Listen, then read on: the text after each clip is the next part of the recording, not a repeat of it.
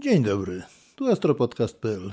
Przy mikrofonie Jerzy Bochusz i miło mi jest powitać Was w 32 odcinku naszego podcastu na temat amatorskiej astronomii obserwacyjnej. W poprzednim odcinku mówiliśmy o tym, co można zobaczyć na powierzchni Księżyca. Dzisiaj natomiast pomówimy sobie krótko na temat tego, jak to można obserwować jakich użyć narzędzi, na co musimy zwrócić uwagę przy obserwacji tarczy księżycowej i w ogóle przy zapoznawaniu się z utworami na powierzchni Księżyca. Księżyc ze względu na swoje stosunkowo duże wymiary i będąc najbliższym sąsiadem Ziemi jest na tyle duży, że można na nim zaobserwować gołym okiem cały szereg szczegółów. Na jasnej tarczy Księżyca widzimy ciemne plamy mórz, czasami jakieś jaśniejsze punkty zależnie od warunków obserwacji. Także już gołym okiem możemy rozpoznać niektóre twory na powierzchni Księżyca, zwłaszcza poszczególne morza. Mając do dyspozycji jakąkolwiek mapkę Księżyca, możemy łatwo zidentyfikować takie obiekty jak Morze Kryzysów, Morze Chmur, Morze Wilgoci, Morze Deszczów, Ocean Burz. Te rzeczy widzimy już gołym okiem. Oprócz tego jeszcze cały szereg jaśniejszych jakichś punktów możemy zauważyć. Ale żeby zbadać bogactwo szczegółów na jego powierzchni, zapoznać się z wszystkimi formacjami, potrzebujemy jakiejkolwiek lunety albo teleskopu. Często pytają się mnie młodzi adepci, nie tylko obserwacji księżycowych, ale w ogóle obserwacji nieba, jakim teleskopem najlepiej obserwować, w danym przypadku teraz księżyc. Moja odpowiedź zawsze jest nieodmienna. Takim, jaki posiadasz takim, do jakiego masz dostęp, jakim dysponujesz. Inaczej po prostu nie można tego odkreślić. Oczywiście pewne instrumenty lepiej nadają się do obserwacji planetarnych, obserwacji Księżyca czy Słońca. Inne bardziej predestynowane są do obserwacji obiektów rozciągłych mgławicowych typu komety, galaktyki. Ale w zasadzie każdym instrumentem, przynajmniej Księżyc, da się łatwo, bez większych problemów zaobserwować. Oczywiście bardziej preferowane są długoogniskowe instrumenty o mniejszej światłosile niż instrumenty krótkoogniskowe, szybkie, te przeznaczone do komet, do galaktyk. Trudno powiedzieć, dlaczego tak się dzieje, ale empirycznie stwierdzony jest to fakt i tego się trzymajmy. Nie znaczy to wcale, że jeżeli dysponujemy teleskopem Newtona jasnym o światłosile 4, że nie można obserwować nim Księżyca. Oczywiście jak najbardziej można, ale nieco lepsze obrazy i wygodniej nam się będzie obserwowało długoogniskowym teleskopem, chociażby refraktorem albo teleskopem Maxutowa, czy jakimś innym, katedy- czy jakimś innym katadioptrycznym teleskopem. Jeżeli skierujemy jakikolwiek instrument optyczny na Księżyc, ukaże się nam natychmiast całe bogactwo szczegółów.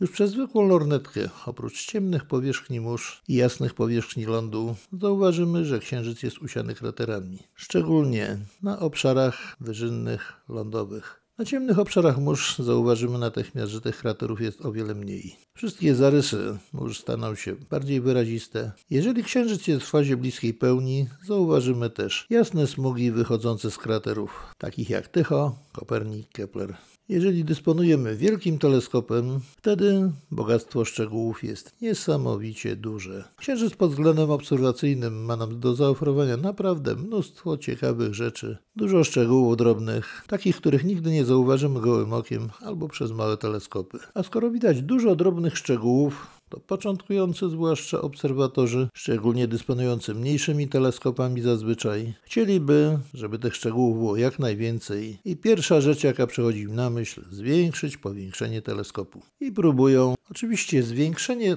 powiększenia teleskopu jest bardzo proste.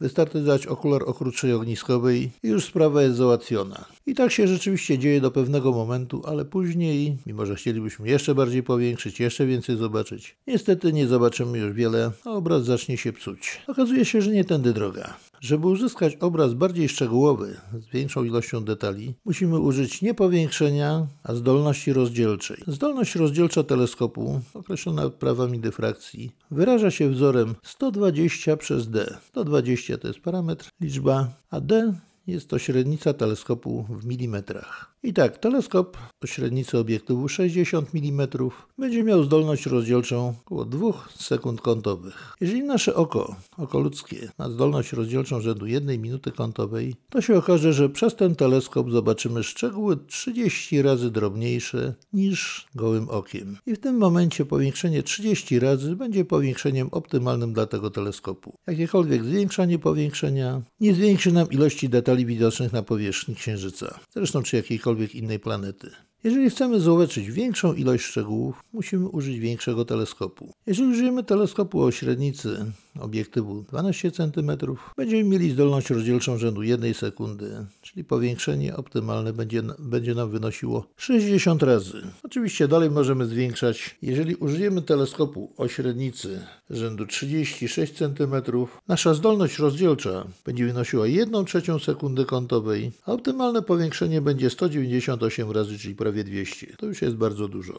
I w tym przypadku, jeżeli używając 6 cm teleskopu zobaczymy na powierzchni Księżyca szczegóły rzędu 4 km, najmniejsze, mniejszych już nie zobaczymy, to przez ten teleskop 36 cm zobaczymy szczegóły nieco większe niż pół kilometra. To już jest dużo.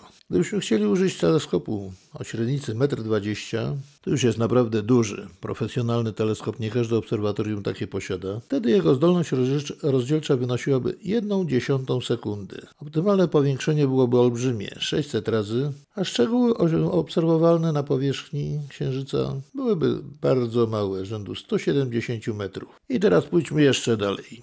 Załóżmy, oczywiście w sferze czystej teorii, że mamy na tydzień do dyspozycji teleskop na Mont Palomar 508 cm, 200 cali. Gigant, którym będziemy mogli obserwować Księżyc. Nie byłoby to z pewnych względów takie proste, ale załóżmy, że, to, że mamy go do dyspozycji i obserwujemy. Wtedy jego zdolność rozdzielcza byłaby bardzo duża, bo nieco poniżej 200 sekundy łuku. Optymalne powiększenie wtedy byłoby 2600 razy, a przedmioty na powierzchni Księżyca, jakiekolwiek zobaczylibyśmy praktycznie wszystko, co jest nieco większe niż 40 metrów. Czyli autobusu szkolnego byśmy nie zobaczyli, ale samolot komunikacyjny pasażerski. Bez żadnego problemu moglibyśmy dostrzec na powierzchni Księżyca, gdyby taki się tam znalazł. Nie popadajmy jednak w euforię. To wszystko jest czysta teoria. Tak jak ten wzór 120 przez D, niektórzy nawet optymiści mówią 114, ale zostańmy przy 120, bo jest to bardziej optymalne i bardziej zbliżone do rzeczywistości, mówi nam, jaka jest teoretyczna zdolność zdolność rozdzielcza danego instrumentu w idealnych warunkach. Niestety my nie żyjemy w idealnych warunkach. Żyjemy na powierzchni Ziemi, na dnie olbrzymiego oceanu powietrznego. W kosmos patrzymy przez warstwę powietrza, warstwę atmosfery, która jest w bezustannym ruchu. Ona nie jest spokojna, tylko cały czas się przemieszcza, porusza, miesza się. I tak naprawdę, niezależnie jak wielki teleskop byśmy zastosowali, to trudno jest osiągnąć zdolność rozdzielczą niższą niż jakieś 3,4 sekundy łuku. Mniejszej, zwłaszcza w obszarach nizinnych, naprawdę jest bardzo trudno uzyskać. Ze względu właśnie na kiepski seeing, na ruch powietrza. Oczywiście zdarzają się czasami takie nocy, kiedy seeing jest idealny, powietrze jest tak nieruchome, że przez dłuższy czas można się wpatrywać w księżyc czy jakikolwiek inny obiekt na niebie tak jakbyśmy się wpatrywali w fotografię leżącą na stole na, na, kartoniku wydrukowaną i ona ani drgnie. Wszystko jest fajnie, pięknie, ale taka noc zdarza się z reguły raz do roku albo i rzadziej. Najczęściej obrazy troszeczkę falują nam. Czasami przy bardzo kiepskim seeingu wyglądają tak, jakby, jakbyśmy oglądali je przez warstwę gotującej się wody. I tak też bywa. Oczywiście wtedy obserwacje w zasadzie nie mają sensu. Możemy sobie tylko podziwiać, jak kiepski jest obraz. Żeby było ciekawiej, mniejsze teleskopy są mniej wrażliwe na zły sync, natomiast im większy, tym bardziej jest wrażliwy. Oczywiście ma, swoje, ma to swoje uzasadnienie zarówno w optyce, jak i w meteorologii, ale nie będziemy w tej chwili się to wgłębiać. Także zwiększamy nie powiększenie, żeby więcej zobaczyć, a zdolność rozdzielczą. Żeby więcej zobaczyć na Księżycu, musimy użyć większego instrumentu. Oczywiście to powiększenie optymalne, w naszym przypadku tam było 30 razy, czy 60, czy nawet te 2600 razy w przypadku palomarskiego teleskopu, możemy je zastosować. Oczywiście tak dużych nie będziemy stosowali i tego duży instrument to tylko jako ciekawostkę podaję, ale w naszym przykładzie załóżmy, jeżeli mamy ten teleskop 12 cm, jego optymalne powiększenie będzie 60 razy. Możemy zastosować większe czasami w dobrych warunkach przy dobrym swingu. Możemy zastosować 120, a nawet 150 razy i też będzie dobrze. W skrajnym przypadku nawet 300 razy jak zastosujemy powiększenie też nie będzie źle, ale to tylko przy idealnym swingu i już musimy się liczyć z pewną degradacją obrazu względem takiego, jaki by dawał teleskop nam przy powiększeniu optymalnym. Jak mówił zarówno Flammarion, jak i Antoniadi, znani francuscy obserwatorzy wizualni, zwłaszcza planet, Cały czas powtarzali oni, że duże powiększenia stosują tylko źli obserwatorzy, a że byli to naprawdę wybitni fachowcy, więc przyjmijmy, że wiedzieli co mówią i starajmy się dostosować do ich zaleceń, a na pewno dobrze na tym wyjdziemy. Zresztą w kwestii powiększenia zdolności rozdzielczej. Jeżeli chcecie wiedzieć więcej, mówiłem o tym w 17 odcinku naszego podcastu i proponuję, żebyście sobie w wolnej chwili jeszcze raz posłuchali. Będziecie wiedzieli dokładnie o co w tym wszystkim chodzi. Skoro mamy już rozwiązane problemy instrumentalne, wiemy jakie teleskopy można użyć, praktycznie każdy, jak się nimi posługiwać tak, żeby optymalnie i najlepiej, najbardziej efektywnie je wykorzystać. Powiedzmy sobie teraz, co należałoby zrobić, żeby się dokładnie zapoznać z tym ogromem szczegółów, jakie oferuje nam Księżyc obserwowany przez teleskop. Pierwsza rzecz, należałoby się zaopatrzyć w mapę Księżyca, a w ogóle do zagadnienia przystąpić po kolei, nie od razu wszystko naraz, tylko zacząć od rzeczy najprostszych. Zapoznajmy się z rozkładem, z nazwami poszczególnych mórz. Może na Księżycu nazywane są łacińskimi nazwami, a oczywiście są tłumaczone zarówno na polski, angielski i każde inne języki lokalne na potrzeby lokalnych obserwatorów. Ale w oficjalnej międzynarodowej nomenklaturze używa się nazw łacińskich zgodnie z zaleceniami Międzynarodowej Unii Astronomicznej. Jak mówiłem, na początek weźmy sen najprostszą mapę, takimi konturami, gdzie zaznaczone są morza i podstawowe kratery, te największe. Próbujmy je zidentyfikować, a dopiero wychodząc od tych największych, najbardziej znanych, rzucających się w oczy utworów, poznawać coraz mniejsze. Będzie to proces dosyć długotrwały, ponieważ tarcza Księżyca, z powodu tego, że wykazuje fazy, nie jest widoczna cała przez cały czas, jedynie w czasie pełni. A jak za chwilę dojdziemy do tego, w czasie pełni wcale nie są najlepsze warunki do obserwacji Księżyca, musimy sobie cały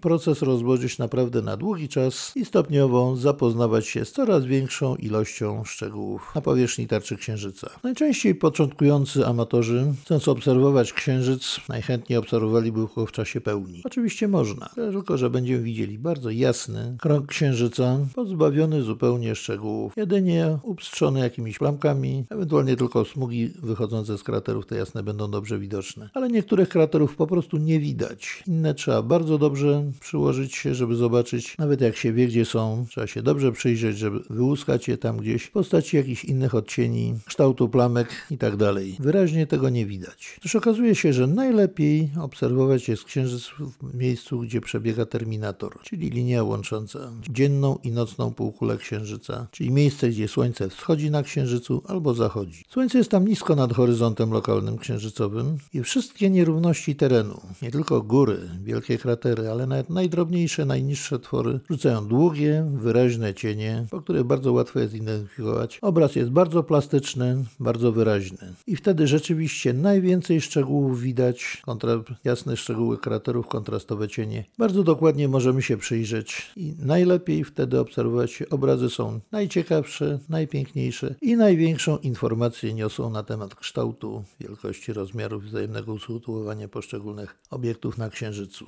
Terminator w sposób ciągły przemieszcza się od wschodu Księżyca na zachód. Najpierw dzienny, a potem nocny. Cały cykl trwa dwa razy po dwa tygodnie. Najpierw do pełni, a potem od pełni do nowiu. I najlepiej byłoby, gdybyśmy mieli tak wszystkie noce obserwacyjne do dyspozycji. Cały miesiąc czasu, gdybyśmy mogli obserwować księżyc, żebyśmy mieli dobrą pogodę, idealnie czyste niebo. Wtedy dosyć szybko można byłoby się zapoznać z jego topografią, ze wszystkimi utworami na jego powierzchni, nauczyć się rozpoznawać. Chociaż jest ich tak dużo, że nie wiem, czy byście zapamiętali. Ale najlepiej właśnie dzień po dniu przyglądać się, identyfikować te kratery, które się stają widoczne po wschodzie słońca, ukazują się powoli wzdłuż pasa terminatora i zapoznawać się z nimi. Aż do pełni, a potem od pełni trzeba będzie wstawać coraz wcześniej albo później kłaść się spać. Po trzeciej kwadrze tuż przed nowiem stary księżyc jest bardzo późno widoczny. Trzeba troszeczkę samozaparcia mieć, żeby to wszystko poznać. Że taką późną nocą czy wczesnym rankiem, czasami w chłodzie, wilgoci, żeby móc go obserwować. No ale jeżeli chcemy się zapoznać z księżycem, nie mamy innego wyjścia. Jest to naprawdę piękne obserwacje, bardzo ciekawe. A jeszcze przy okazji dochodzą inne różne atrakcje, takie typowe, jakie mamy na świeżym powietrzu, ale to już sami się o tym przekonacie. Na początku, jeżeli macie taką możliwość, proponowałbym użyć mniejszych instrumentów do zapoznawania się z księżycem, żeby nie zagubić się w szczegółach, a skoncentrować się na tych większych, wyraźniejszych, lepiej widocznych na pierwszy rzut oka już obiektach. Najczęściej będą to kratery albo jakieś łańcuchy górskie, tym podobne utwory. I odpowiednio do tego dobrać mapy. Na początek, żeby nie były za bardzo szczegółowe. Jeżeli dysponujecie od razu jakimś większym teleskopem rzędu 20-20 parę centymetrów albo większym, bo i tak bywa. Jeżeli nie macie mniejszej jakiejś lornetki czy mniejszej, mniejszej lunety, na początek możecie przyjrzeć się dobrze księżycowi przez szukacz. Patrząc przez szukacz, nie zagubicie się w gąszczu szczegółów na powierzchni księżyca, a tylko zobaczycie te największe, najważniejsze utwory. W miarę jak będziecie korzystali z większych instrumentów, troszeczkę już zapoznacie się, musicie postarać się jakieś lepsze mapy księżyca, najlepsze jeszcze jakieś atlasy księżyca. Bardzo dobry jest atlas Rykla. Kiedyś był w handlu nawet w Polsce, ale nie wiem, czy jeszcze jest dostępny. Trzeba poszukać w sklepach astronomicznych, po księgarniach. Może na zamówienie uda się ściągnąć. Duży, piękny atlas, pięknie wydany i rzeczywiście całe bogactwo szczegółów jest tam naniesione, które już można zobaczyć dużym teleskopem. I rzeczywiście przy użyciu tego atlasu można już studiować szczegóły na powierzchni Księżyca. A tak w ogóle, żeby utrwalić sobie i ułatwić rozpoznawanie, proponuję Wam zdobyć mapę taką konturową Księżyca. Może nie aż za bardzo szczegółową, ale gdzie zaznaczone są tylko zarysy poszczególnych obiektów, kraterów mórz czy łańcuchów górskich. I w trakcie obserwacji, jak zobaczycie te obiekty, zidentyfikujecie je na mapie, zaznaczcie je. Od chociażby zarysowując tak. Nie muszą to być jakieś dokładne rysunki czy coś. Po prostu szkicowo zaznaczcie, że to jest ten obiekt, zapiszcie sobie jego nazwę, zapamiętajcie. Sporządzicie po jakimś czasie w ten sposób kompletną mapę Księżyca, czyli zrobicie to, co wielu selenografów robiło przed wami, od czego zaczął już Galileusz swoimi rysunkami, a potem już różni inni obserwatorzy, łącznie z Heweliuszem, robił wspaniały atlas Księżyca, zatytułowany Selenografia, aż po współczesne mapy, które się w tej chwili drukuje. Również w internecie możecie znaleźć sporą ilość map Księżyca o różnej rozdzielczości, specjalnie dla obserwatorów właśnie takich map, które są robione albo jako całe, albo poszczególnymi sektorami, segmentami. Możecie sobie wydrukować i na tych mapach możecie spokojnie zaznaczać obiekty, które zidentyfikowaliście. Będzie to bardzo dobry trening obserwacyjny i się Wam później jeszcze bardzo przyda, nie tylko przy Księżycu, ale także przy obserwacji innych obiektów na niebie. Przy okazji chciałbym zwrócić Waszą uwagę na jedną rzecz. Już Galileusz zauważył, że jak się obserwuje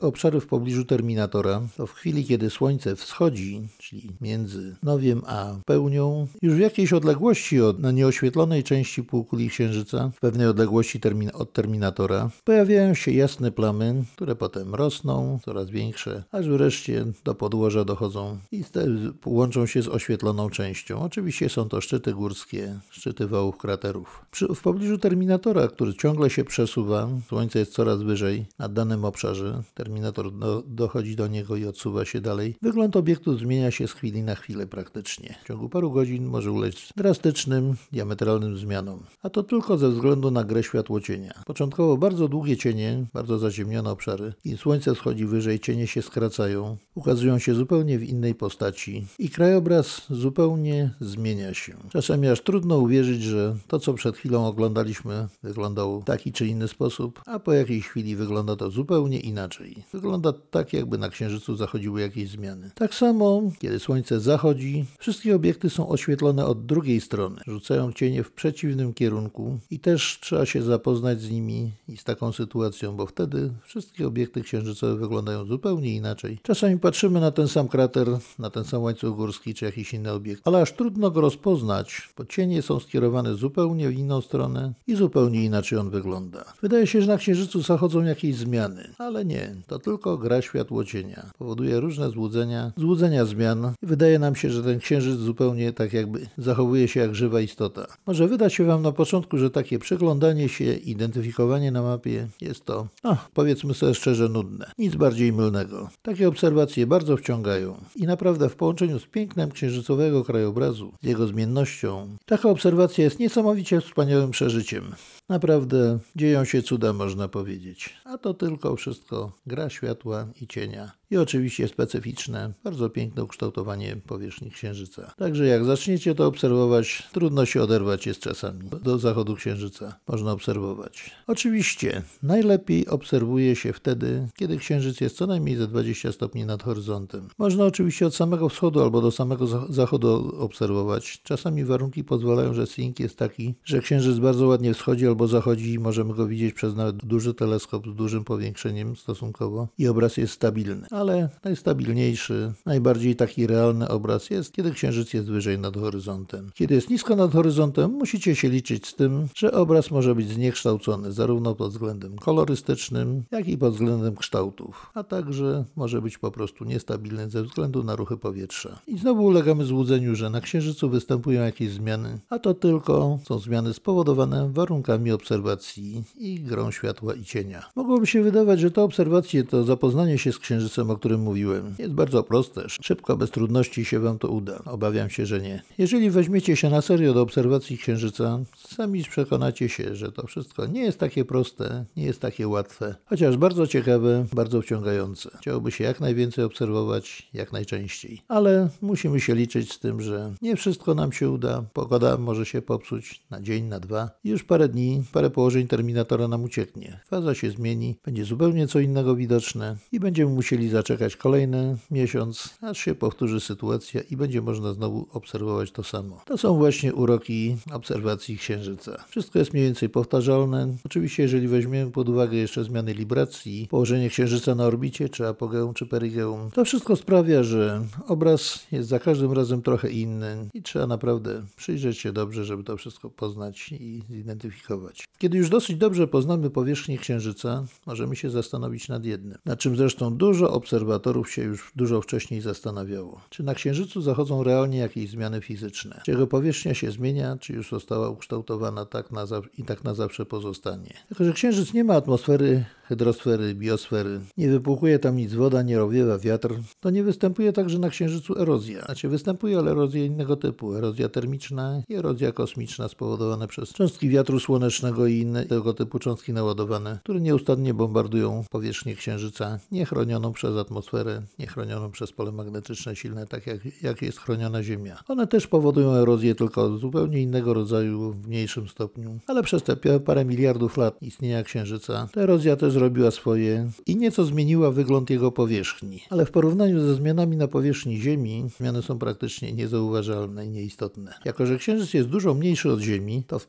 w procesie swego powstawania zmagazynował o wiele mniej ciepła niż zmagazynowała go Ziemia. Najprawdopodobniej ma też mniejsze dużo jądro żelazne niż Ziemia i nie większość uczonych, przynajmniej niektórzy, uważają, że Księżyc już wystygł, że pod względem geologicznym jest martwym globem. Inni mówią, że martwym globem globem nie jest. Oczywiście szybciej stygł, ale też skorupa Księżyca jest dużo, dużo grubsza niż skorupa ziemska, a składa się ze skał, które mają bardzo słabe przewodnictwo cieplne, o czym sobie jeszcze kiedyś w przyszłości pomówimy. Ja osobiście też skłaniam się do twierdzenia, że Księżyc nie jest jeszcze całkowicie geologicznie martwym i najprawdopodobniej zachodzą na nim jakieś zmiany, ale to w skali bardzo małej i bardzo rzadko następują. Kiedy poznamy dobrze powierzchnię Księżyca, poznamy jego krajobraz cały, wygląd poszczególnych utworów. Wtedy możemy pokusić się o obserwację, poszukiwanie, czy rzeczywiście takie zmiany występują. Ponieważ wielu, wielu obserwatorów zgłaszało, że takie zmiany istnieją, że są rzeczywiste. Niektóre takie zmiany są nawet udokumentowane fotograficznie i na drodze spektroskopowej. Ale o tym powiemy sobie już w następnych audycjach i to najprawdopodobniej nie jednej, a w,